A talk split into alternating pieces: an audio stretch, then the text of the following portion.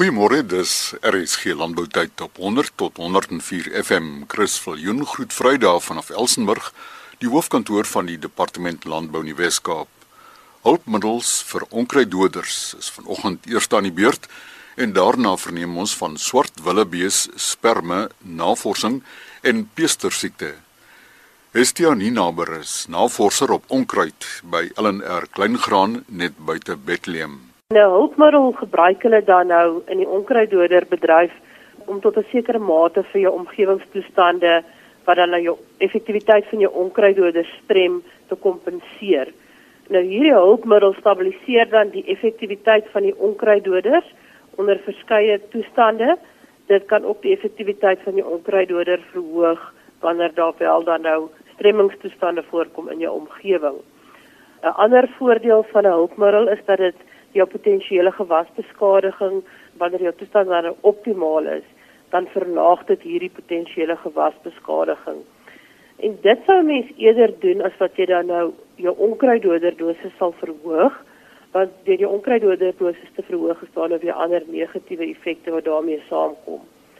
Dat die meeste onkruiddoders wat 'n mens gebruik, word teen verlaagde dosisse aangewend saam met jou hulpmiddels en dit is om gewasbeskadiging te verminder onder jou optimale of jou perfekte toestande dan nou. Jy kan jou hulpmiddels miskien uitlos wanneer jy hoë onkruiddoder dosisse spuit of wanneer jy in perfekte toestande dan nou spuit. Maar ons almal weet egter daar bestaan nie iets as perfekte toestande nie, so dis maar beter om 'n hulpmiddel te gebruik. Hoër dosisse kan duur wees en soos ek reeds gesê het, dit kan weer tot ander negatiewe dinge lei onder andere uh, residue in die grond wat langer bly of um, onkruiddoder weerstandbiedendheid. Nou jou hulpmiddel is net effektief saam met sekere onkruiddoders en dit kan nie altyd pas staan vir alle stremmingsbestande wat dan nou in die natuur voorkom nie en die hulpmiddel is spesifiek vir onkruiddoders maar daar's ander goed wat jy ook in ag moet neem wanneer jy spuit en dis soos byvoorbeeld jou watervolume en die hoeveelheid sout in die water. So daarvolgens kies jy dan nou watter hulpmiddel jy sal gebruik. Nou ek gaan net gou vinnig van 'n paar hulpmiddels net sommer oor breë algemeen praat oor so sewe afdelings wat mense kry. Nou die eerste een wat die mees algemeenste is, is jou benatters. Nou dit gebruik mense om die oppervlakte spanning van jou spuitoplossing druppel te verlaag.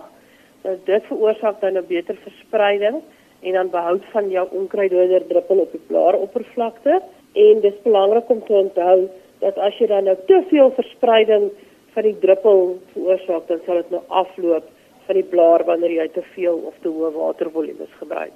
Die tweede ene is 'n olie of die groep olie staan nou en dit sluit nou hulpmiddels in met 'n oliebasis.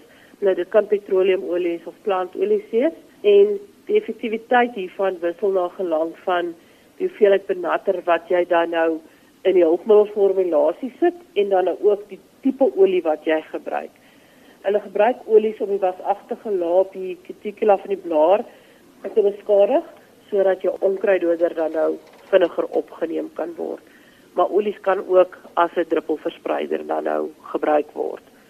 Derde groep is southulpmiddels. Nou hierdie produkte is gewoonlik ammoniumsoute en hulle oorkom soutantagonisme van die waterbron en omdat baie waterbronne in Suid-Afrika dan 'n swak of baie hout sout bevat, is hierdie 'n baie groot groep en hulle word gebruik vir penetrasie en mengbaarheid. Um, en dis veral vir produkte soos glifosaat. As jou anti-wegdrywingsmiddels en anti-verdampingsmiddels, nou hulle doen presies wat die die woorde sê. Dit word gebruik om seker te maak dat jou spuitoplossing teiken bereik en dat dit dan nou nie op aangrensende sensitiewe gewasse beland nie. Die derde laaste groepie is jou buffers en jou versierders. Nou hierdie hulpmiddels is nuttig wanneer jou etiket van jou onkruiddoder sê jy moet die mengsel versier of buffer. Nou sekere geregistreerde produkte bevat benatters wat van hierdie produkte bevat dan ook benatters wat dan ook kan help met verspreiding en penetrasie of binnendringing van die onkruiddoder tweede laaste groep is kleefmiddels. Weerens die naam sê duidelik wat hy doen. Dit help vir die onkruiddoder op die plant vassit en dit voorkeer dat dit deur na reën en deur reën sal afwas en dat dit die verlies deur wind word beperk. en die leeftyd van die onkruiddoder op die blaaroppervlak word dan verleng. 'n Kleefmiddel kan ook verspreidingseienskappe besit. Nou die laaste een is 'n basterhulpmiddel en hierdie is maar 'n mengsel van twee of meer van die komponente. Daar's verskeie hulpmiddels in Suid-Afrika beskikbaar en dit is regtig belangrik om die regte keuse te maak watter hulpmiddel jy gaan gebruik saam met jou onkruiddoder spuiting wat jy wil toedien want die regte keuse bepaal dan nou immers hoe suksesvol jou onkruidbeheer gaan wees.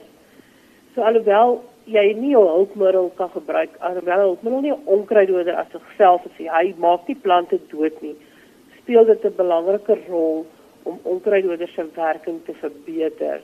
En dit kan letterlik die verskil beteken tussen geen of uitstekende beheer. Die belangrikste ding wat ek altyd sê is onthou dat geen hulpmiddel universeel vir enige onkruiddoder gebruik kan word nie daar's nie 'n superhulpmiddel wat jy net oral kan bysit nie. Elke onkruiddoder mensel vereis of die omstandighede vereis dan 'n spesifieke hulpmiddel. Neem altyd in ag dat hulpmiddels ook tekortkominge het en daar waar jy jou voor- en nadele van die hulpmiddels moet verstaan om te verseker dat ons dit dan nou optimaal benut. En is ook belangrik dat ons die inligting wat op die etikette van die hulpmiddel en die onkruiddoder voorkom moet lees en dit moet nagaan en dit dan deeglik aanwend. Onkruidnavorser Estia Ninaber van LNR Kleingraan haar e-pos deweth@arc.agric.za deweth@arc.agric.za Swartwillebeeste kry nie dikwels aandag in hierdie program nie. Dr. Elet Lambrechts, senior lektor in die departement vir kundige wetenskappe aan die Universiteit van Stellenbosch, is deel van 'n span wat navorsing doen op die swart wildebees sperme na uitdunning. Mense kan dalk die vraag vra hoekom stel 'n mens belang in hulle sperme nadat diere uitgedun is? Een van die groot redes hoekom ek as reproduksiefisioloog belangstel wat met die sperma gebeur van diere nadat hulle geoes is, is om te kyk watter protokolle 'n mens kan gebruik om hierdie sperma te stoor, hetsy in 'n vloeibare vorm wat ons nou as as short-term of kort-termyn vloeibare stoor en verwys. Of ons vries dit soos wat ons bees en skaapsaad in 'n strootjie vries. En hoe hanteer hierdie swart wilde bees sperma dan die bevriesing? Die ander vraag um, wat ek ook baie keer vra is wanneer diere op 'n baie afgeleë gebied geoes word, dit is nie altyd redelik maklik om die testies van die diere te verwyder en dit so spoedig moontlik te verwerk om die sperme te aspireer uit die epididymis uit nie. So my vraag was hoe kan 'n mens kyk hoe lank die sperme binne die testies kan oorleef of 'n meer spesifieke epididymis want dis waar dit gestoor word net voor ejakulasie. Het ek basies gesimuleer wat met testies wat dan uit die dier se liggaam verwyder word en dan by ysgastemperatuur gestoor word tot en met dit by 'n uh, laboratorium kan uitkom waar die materiaal verwerk kan word. Nou een van my kollegas, professor Lou Hofman, hy het 'n groep studente uitgeneem om uh, swartwille beeste te jag as deel van sy vleis uh, wildvleis navorsingsprogram. En ek het dit as 'n guldige geleentheid gesien om te kyk hoe kan ons simuleer wat met die sperma gebeur. So die testis is basies verwyder direk na die diere ehm um, geoes is en dit is in plastieksakkies gestoor op ys by 4 grade Celsius oor 'n periode van 4 dae.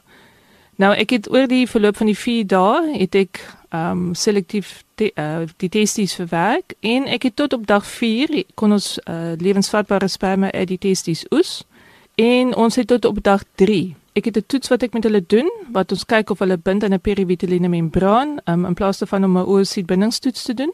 Selfs na 3 dae vanaf die testis verwyder is uit die dier se liggaam en dit op ys gehou is, het die sperma nog aan die membraan gebind. Wat beteken hulle het die vermoë om 'n oosit te bevrug sou ons dit in 'n in vitro bevrugtingsprotokol gebruik.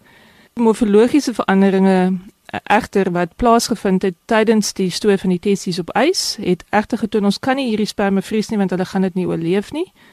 So vir die opbou van genoom um, genetiese banke kan 'n mens wel swart wildebeest testies uh, verwerk om die sperma te oes tot en met 4 dae nadat die dier geskiet is en die testies by 4 grade Celsius gestoor is. Maar 'n mens kan dit verkieslik net in 'n vloeibare vorm stoor vir in vitro protokolle gebruik, um, maar nie met diep semenbevriesing stoor nie. En steeds by Dr. Elet Lambrechts, sy is ook gemoeid met navorsing om die voorkoms van mikrobes en spesifiek bakterieë in die geslagskanale van ramme wat geen geskiedenis van peestersiekte gehad het nie en dan ook ramme wat op daardie stadium aktief simptome getoon het. Ons het gekry dat mikrobepopulasie gemeenskaplik tussen siek en gesonde ramme voorkom, maar dat sekere mikrobes wat gemeenskaplik tussen die twee groepe is, in hoër getalle, in hoë konsentrasies in die siek diere voorkom. Ons is nou in die proses om te kyk na hierdie spesifieke mikrobes om te kyk of dit wel moontlik by kan dra tot die simptome wat ons met peste siekte assosieer. Wat die studie ook opgelewer het en dit is nogal baie interessant, die vorige twee studies um, wat deur Dr. Kidani Mariam en Dr. Ali gedoen is, het Mycoplasma mycoides mycoides large colony en Arcanobacterium pyogenes wat nou Trioperella pyogenes is, um, opgelewer. Ons studie kon nie die mycoides mycoides large colony opspoor nie. Ons kon Arcanobacterium of Trioperella net tot op genus vlak identifiseer. En dan het ons ook 'n nuwe Mycoplasma uh, geïdentifiseer Mycoplasma um, myopharyngeus. Dit is nogal vir ons uniek want dit wys net vir ons um, ons aanvanklike gedagte dat dit multifaktoriaal is, is weer eens net bevestig. Ons moet nou gaan kyk waar kom hierdie spesifieke Mycoplasma voor? Waar kon die diere aan hulle blootgestel wees? Waar kan die mikrobe voorkom? Dan die die volgende fase wat ons nou mee besig is van die projek is 'n landwyse opname om soos wat ek dit noem en verskoon die Engelse taal sogenaamde hotspots waar peste siek voorkom te identifiseer. Bedoeling is dan om met hierdie hotspots dan ramme te gaan um, monster wat ook skoon geen ge geskiedenis het van peste siekte nie, maar ook wel um, peste siek onderlede het en dan daardie resultate te vergelyk met wat ons in Aubrey se studie gekry het om te kyk of dit wel ons nader bring aan 'n potensiële beduidende idee van watter organismes bydra tot die inflammasie wat ons veral sien met peste siekte. En as ons dan hierdie hotspots geïdentifiseer het en moontlik 'n gemeenskaplikheid kry tussen die diere ramme wat ons dan daar monster Dit sal ons 'n stapie nader bring aan die ontwikkeling van 'n protokol wat ons dan ramme kan toets voor veilings of nadat 'n boer 'n ram aangekoop het om te kyk of die die ram wel pestisiek onderlede het of wel die mikrobe in die geslagskanaal teenwoordig is en dan weet ons die ram moet eerder nie by die oeye geplaas word nie en moet behandel word voordat hy wel die geleentheid kry om sy gene in die kudde bekend te stel. My e-posadres is hilet h e l e t @sun.ac.za. Wat ek ook um, net kan byvoeg is dat um, ek beoog om via die dorper uh, teelersvereniging uh vraelys na al die lede van die dorpervereniging uit te stuur want dis die dis die skaapras waarby ons prima die die simptome waarneem. 'n Vraelys uit te stuur wat opvolg op die eerste een wat ons reeds uitgestuur het om ook 'n bietjie vra oor die Brucella insidensie in die kuddes idee daarvan te kry. Die doeteenvoudige rede is is dat daar's baie van die boere wat vir my gevra het of daar 'n verband is tussen Brucella en pestisiek voorkoms. Nou as mens gaan kyk na die twee siektes, dis hoogs onwaarskynlik, maar ek dink dat ons net sekere kritiese vrae vra en kyk wat ons uit die bestuursinligting en die fisiese voorkoms van die twee siektes by die teelers kan wys word. Senior lektor in die departement veekundige wetenskappe aan die Universiteit van Stellenbosch, Dr. Elet Lambrechts, haar e-pos helet@san.ac.za. Môreoggend om kwart voor 12 in RSG Landbou, Elsenburg Landbou College vier van jaar sy 120ste bestaanjaar vroeë jare was die boorste spuitwa nog deur pere getrek. Die studente het ook self pere gepluk, gegradeer en vir die uitvoermark gepak. Buriali pere was onder die cultivars gepak, gepluk uit 'n boors van 100 bome wat in 1899 aangeplant was. Die oudste peerboors in Suid-Afrika wat vir eksperimentele doeleindes aangeplant was.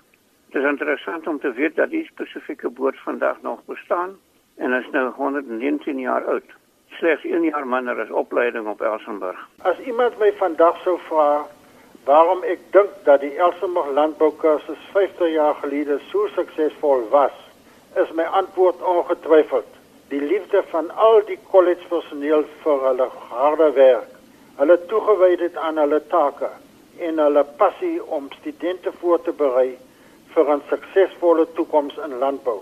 Baie van hierdie dierbare mense is nie meer met ons nie maar wil ons nogmaals baie dankie sê vir al hulle jare van opoffering en geduld met studente.